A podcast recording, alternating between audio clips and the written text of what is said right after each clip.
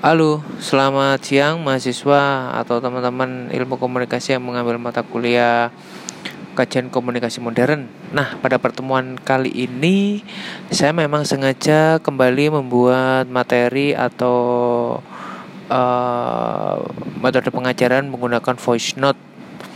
Karena saya rencananya memang mau Zoom gitu kan atau mau Google Meet, cuman saya berpikir kemarin sudah beberapa sudah diskusi dengan beberapa teman teman-teman bahwa uh, kayaknya kalau hari aktif kayaknya lebih baik saya tidak meet atau zoom dulu. Karena kan ini kan uh, kalian kan masih uh, pecah konsentrasi antara perkuliahan dengan magang. Jadi yang beberapa ada beberapa yang masih magang apalagi uh, kondisi siang-siang seperti ini biasanya ada banyak kerjaan yang harus dibereskan di tempat magang. Nah, maka maka dari itu saya memang rencana merencanakan bahwa untuk Zoom atau Meet nanti saya set up di weekend aja. Kalau nggak Sabtu Minggu itu pun juga melihat nanti kondisi teman teman-teman bagaimana gitu kan. Weekend itu apa full kegiatan magang atau tidak gitu kan. Makanya dengan pertimbangan-pertimbangan seperti itu maka untuk pertemuan ketiga kali ini saya tetap menggunakan voice note karena biar nanti uh, tidak terlalu apa namanya ya tidak terlalu monoton hanya menggunakan video. Toh kalau video uh, kalian kan juga melihat muka saya aja takutnya bosen. Nah kalau pakai voice note kan bisa didengerin pas mau tidur atau pas lagi makan atau pas lagi ngapain gitu ya. Nah, pada pertemuan kali ini saya ingin membahas atau memberikan highlight kalau kemarin sudah saya bikinkan materi tentang membandingkan komunikasi klasik dan modern dan perubahan pola perilaku dan teknologinya. Kemudian hari ini saya ingin ngomong masalah teori new media. Nah, teori new media ini sebenarnya ada beberapa sih menurut saya. Cuman uh, jadi begini, uh, mengawalinya adalah karena memang perkembangan teknologi itu kan membawa banyak perubahan ya pada kehidupan manusia pada saat ini gitu kan. Bisa dibilang saat ini adalah zaman modern. Karena akses informasinya kan menjadi sangat cepat. Kemudian pekerjaan-pekerjaan kita juga semakin mudah dilakukan gitu kan. Uh, belajar menjadi lebih mudah atau misalnya uh, kita intinya banyak memperoleh berbagai keunggulan lah gitu kan. Tentu juga ada pula dampak-dampak negatif yang menyertainya seperti misalnya budaya yang tidak bersesuaian dengan kul dengan kultur lokal gitu kan atau lokal wisdom. Kemudian ada hilangnya tradisi. Nah, jadi semakin berkembang teknologi di zaman saat ini juga jangan lupa bahwa ada beberapa hal yang yang hilang yaitu tadi tradisi, kemudian ada budaya yang tidak sesuai, kemudian apa ya? Kemudian salah satu hal yang ikut juga berkembang uh, seiring dengan perkembangan teknologi adalah tentunya adalah media massa. Nah, kemudian dalam sebuah teori new media gitu kan uh, memahami media baru itu tanpa memahami pengertiannya tentu bukan langkah yang pas ya karena uh, kita juga perlu memahami apa yang disebut dengan media baru itu sebelum kita uh, menuju pada teorinya gitu kan. Karena ada beberapa pendapat contohnya uh, Dennis McQuail gitu kan menyebutkan sebenarnya bahwa media baru itu adalah media telematik yang merupakan perangkat teknologi elektronik. Nah ini fokusnya adalah yang di highlight adalah uh, media merupakan perangkat teknologi elektronik. Karena teknologinya baru tentu maka penggunaannya juga berbeda. Nah Uh, kemudian ada juga uh, Manovik, Lev Manovik, sebuah pak, uh, dia adalah seorang pakar media juga. Dalam bukunya The New Media Reader itu menjelaskan bahwa pengertian media baru itu sebenarnya terletak pada objek budaya dan paradigma baru. Nah, kalau tadi si McQuail itu menyoroti tentang uh, menyebutkan media itu sebagai perangkat teknologi elektronik, yang memiliki penggunaan yang berbeda tapi kalau Lev Manovic ini uh, fokusnya adalah uh, media baru itu merupakan objek media yang memiliki paradigma baru dalam dunia media massa di tengah masyarakat. Sebagai objek budaya sorry objek budaya dan memiliki paradigma baru di dalam dunia media massa di tengah masyarakat. Nah, dalam penyebarannya tentunya menggunakan teknologi uh, digital, kemudian dikendalikan oleh beberapa aplikasi tertentu. Itu ya itu hampir sama sih kalau kalau menyoroti teknologinya hampir sama. Kemudian memanfaatkan kembali uh, memanfaatkan teknologi perangkat lunak seperti software dan sebagainya.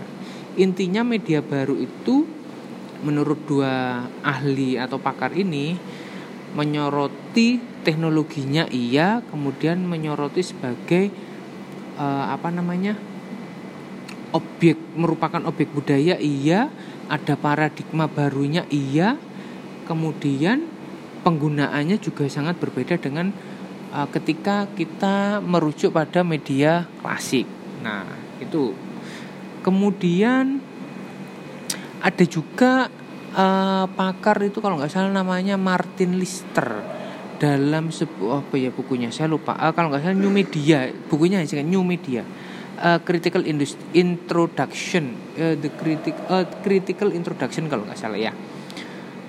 Dia itu menyatakan bahwa media baru atau new media merupakan sebuah terminologi. Nah, ini beda lagi. Kalau Martin Lister ini menganggap media baru itu sebuah terminologi atau uh, yang digunakan khusus untuk menyebut suatu hal tentang perubahan dalam skala besar dalam sebuah proses produksi yang ada di media. Produksinya berbeda, distribusinya medianya juga berbeda, penggunaan medianya itu bersifat teknis, kemudian ada tentunya juga tentang uh, budayanya juga yang berbeda. Nah, kemudian lalu uh, jika mengacu pada saya mengambil tiga pakar itu tadi ya. Acuannya adalah tiga pakar itu tadi. Lalu sebenarnya karakteristik media baru itu seperti apa itu kan? Lagi-lagi Dennis McQuail dalam bukunya teori komunikasi massa menjelaskan ada beberapa gitu kan? Yang pertama itu adalah uh, sebentar saya kok lupa. Oh ya yang pertama karakteristik uh, new media atau media baru itu adalah pemilihan berita kalau katanya dengan news itu tidak lagi sepenuhnya berada di tangan penyedia komunikasi berskala besar. Misalnya pemilihan konten. Nah, eh, bahas bahas bahasa ininya adalah pemil, pemilihan konten itu sebenarnya tidak lagi ada di tangan penyedia komunikasi atau tidak ada di tangan penyedia konten misalnya koran nah atau televisi. Dan itu kan biasanya kan bersifat sifatnya kan desentralisasi atau uh, satu arah gitu kan. Kemudian uh, komunikasinya yang dilakukan biasanya bersifat interaktif. Dalam artian penerima itu dapat memilih halaya atau masyarakat dapat memilih bahkan menukar informasi kemudian memberikan feedback atau menjawab kembali dan dihubungkan dengan penerima lainnya secara langsung. Maksudnya terkoneksi itu kan. Maksudnya uh, kita dengan yang lain dengan hal yang lain itu adalah terkoneksi dapat terkoneksi secara langsung Nah, selain itu, media baru juga memiliki berbagai kelenturan dari segi tekstur, bentuk atau yang lainnya. Maksudnya uh, karena ini sifatnya itu adalah virtual, itu sangat fleksibel, itu kan sangat fleksibel. Dan kalau dikaitkan dengan undang-undang penyiaran ataupun sebenarnya kalau undang-undang penyiaran, uh, contoh ya, contoh beberapa minggu ini atau beberapa bulan ini uh, sempat ramai antara RCTI, MNC Group itu uh, memberikan gugatan atau mengharapkan peninjauan ulang tentang YouTube, Netflix gitu kan. Itu sempat ramai itu gitu kan. Maksudnya katanya dengan undang-undang penyiaran uh, maksudnya adalah ini gimana nih YouTube nih tayangannya kok jadi RCTI itu menuntut bahwa uh, online YouTube itu juga harus disamakan perlakuannya dengan uh, beberapa media konvensional, media penyiaran konvensional dari segi aturan, kemudian etikanya atau kode etiknya. Nah, sementara ini kan kalau YouTube kan itu kan belum ada aturan yang maksudnya begini kalau kalau media penyiaran kayak televisi gitu kan atau radio itu kan ada yang yang mengawasi KPI misalnya Komisi Pengawas Indonesia. Kemudian uh, terikat dengan eh, undang-undang gitu kan. Nah sementara ini kalau untuk virtual kalau untuk online YouTube contohnya atau Netflix atau yang lain-lain gitu kan.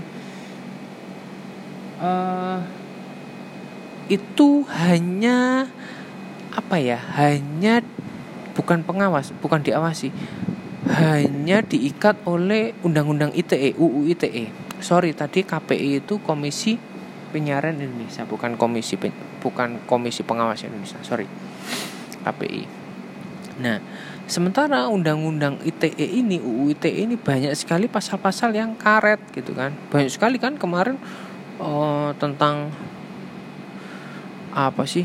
Contoh-contoh anjay kata-kata anjay itu dijadikan sebagai kalau kalau ada yang menyebutkan kata anjay di di di YouTube atau di medsos atau di mana pun dikenakan pasal dan sebagainya. Kemudian pidana urusannya itu kan uh, menurut saya sih masih belum masih belum ini masih belum tepat sasaran undang-undang ITE itu nanti dipakai sebagai apa gitu kan. Sementara kan perkembangan uh, medsos perkembangan online ini kan virtual ini sudah sangat masif sekali itu kan. Tapi belum diikuti atau di, tidak diikuti oleh oleh aturan-aturan atau undang-undang yang yang penerapannya itu dan dan uh, kita masih godok nih masih digodok memang. Apakah UUT itu sudah tepat untuk diterapkan seiring dengan semakin pesatnya perkembangan teknologi informasi khususnya internet atau masih ada undang-undang lain yang perlu diterapkan jadi begitu.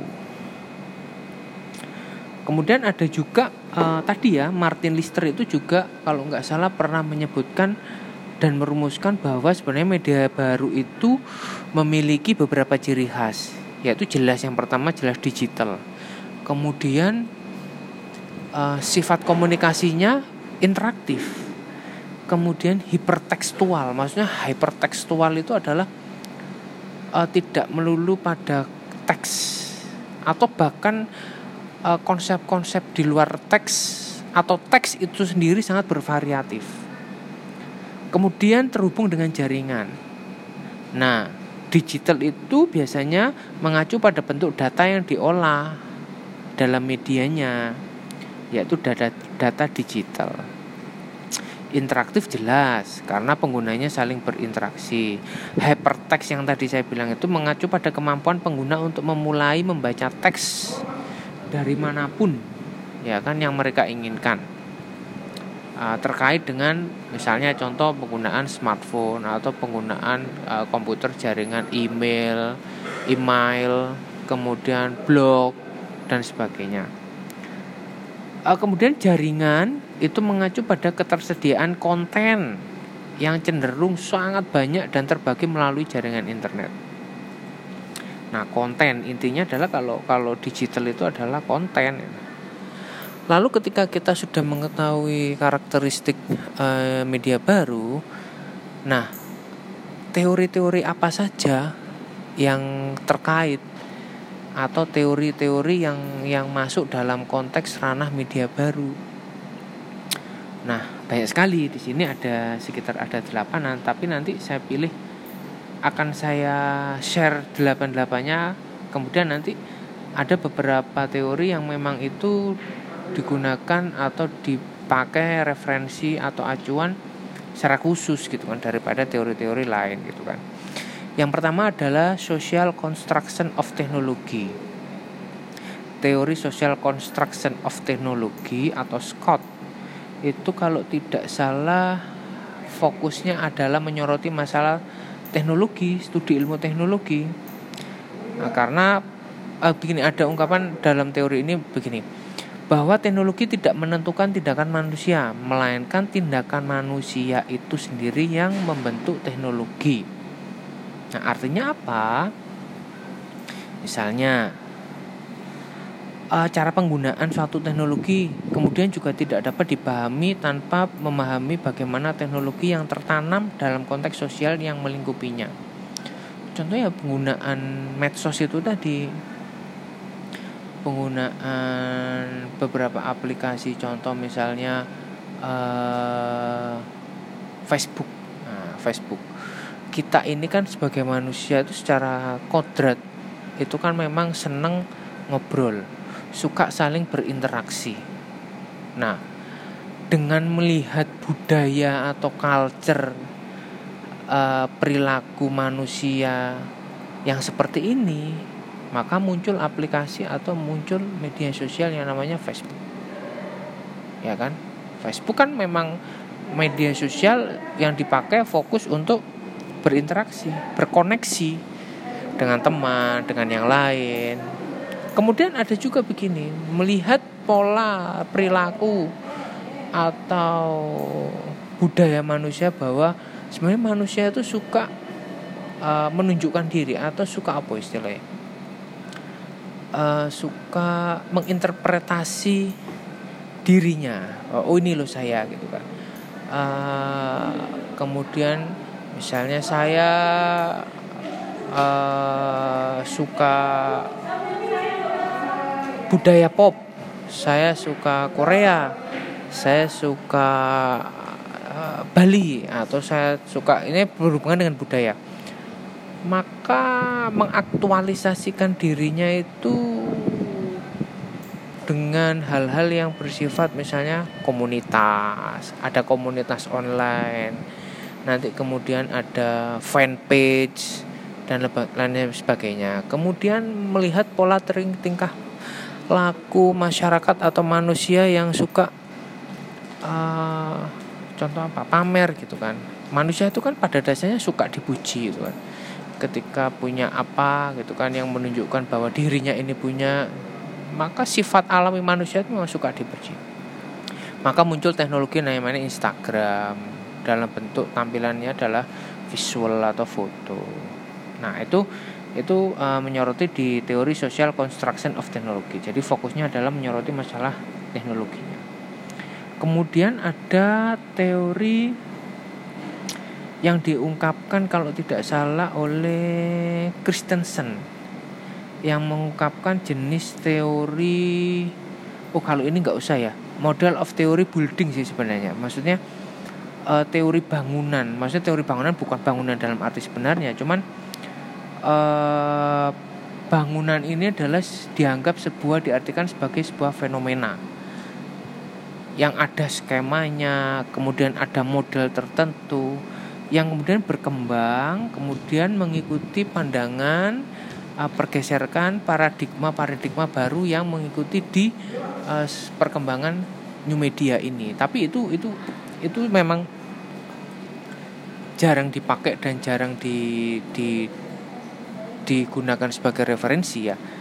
Uh, tapi ada beberapa uh, yang juga memang menggunakan teori itu sebagai untuk melihat sebuah fenomena secara khusus gitu kan. Kemudian ada teori jaringan.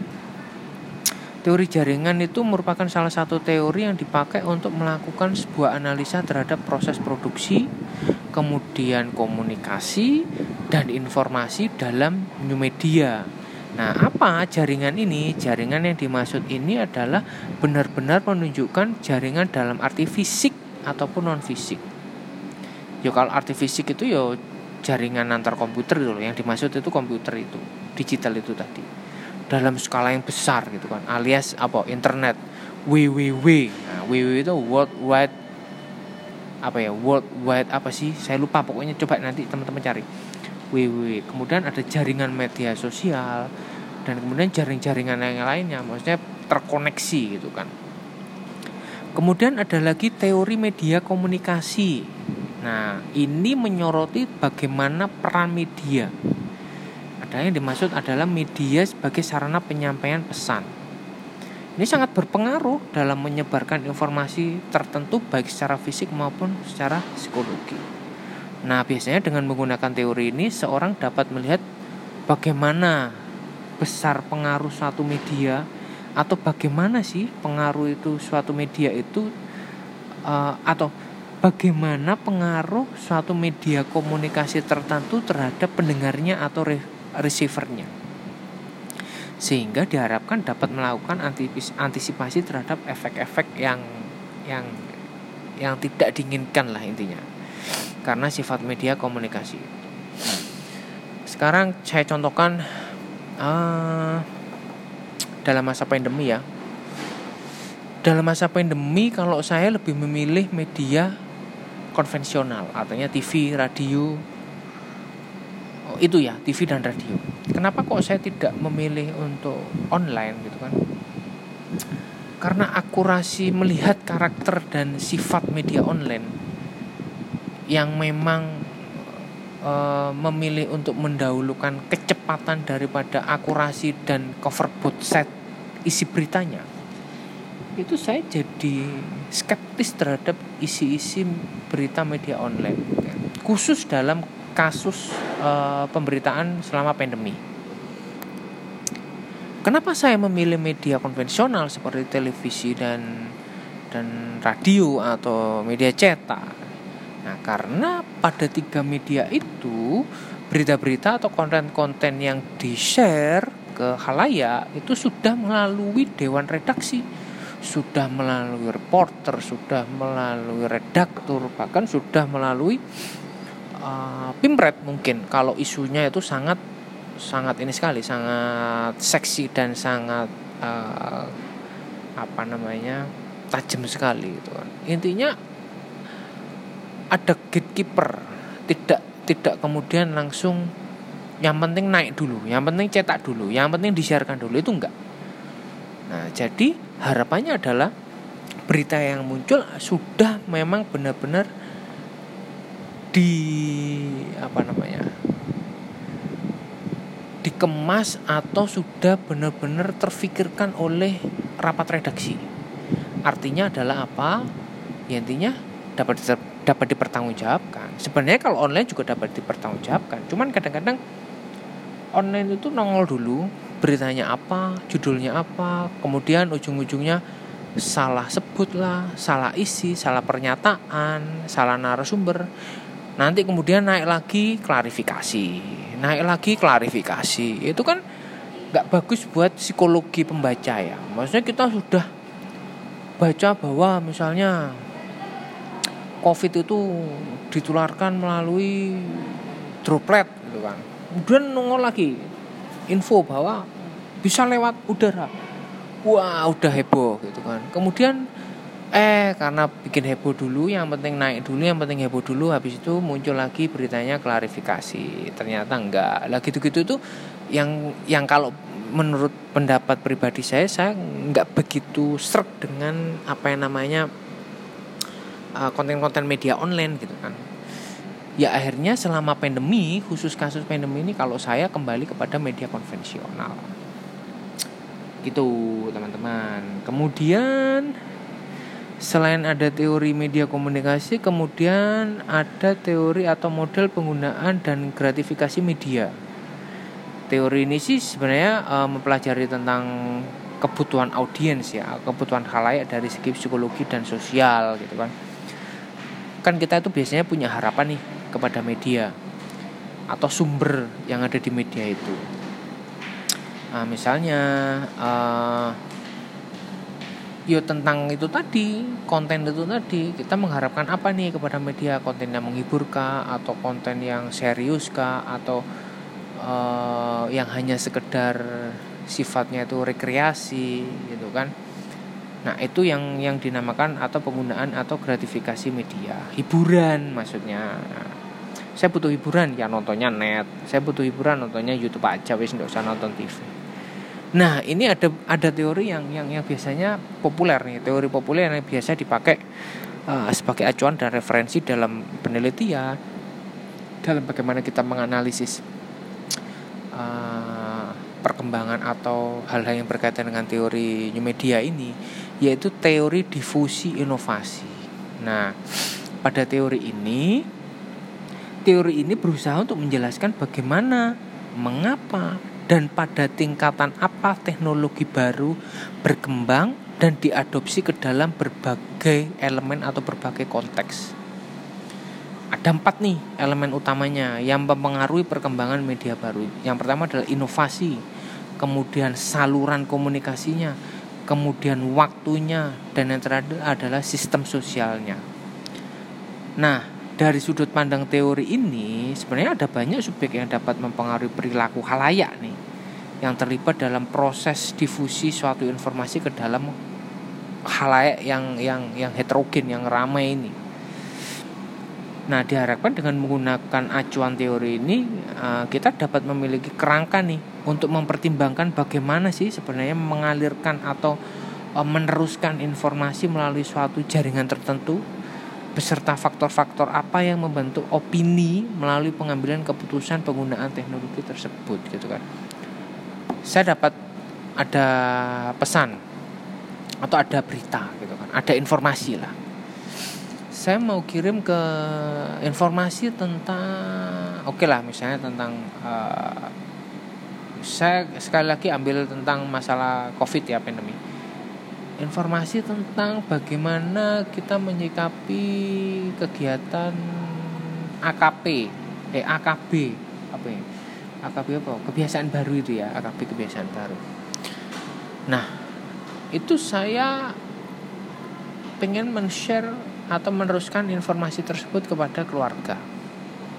Nah apa nih? Saya harus memilih nih medianya. Apa yang kira-kira dekat dan memudahkan informasi tersebut tidak putus di tengah jalan sehingga keluarga saya dapat mencerna menerima informasi tersebut dengan utuh gitu kan. Ya telepon. Gitu kan. kalau WA itu sudah sudah nggak ini ya apa namanya? Kadang-kadang ada beberapa WA yang uh, kalau penting sifatnya urgent informasi itu saya lebih memilih telepon. Kalau hanya sekedar share informasi biasa mungkin WA ketika saya akan mau dialog menyampaikan bahwa oh pak ibu adik ke keluarga saya bahwa ada informasi penting tentang tentang A tentang B maka saya lebih baik memilih media telepon. Atau ketika saya butuh informasi tentang uh, COVID gitu kan. Bagaimana bisa sembuh? Bagaimana uh, bisa survive nih?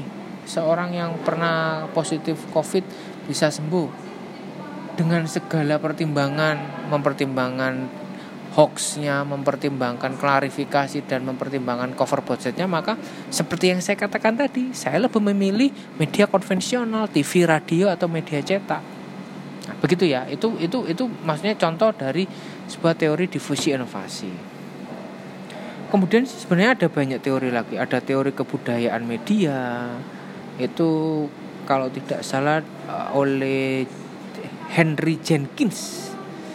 Itu cara-cara media baru menawarkan kepada publik itu. Bagaimana mengambil peran sebagai konsumen dan produsen media sekaligus. Uh, misalnya contohnya kita atau kelompok kita itu bisa lebih kreatif tuh menanggapi isi dari media A atau media B.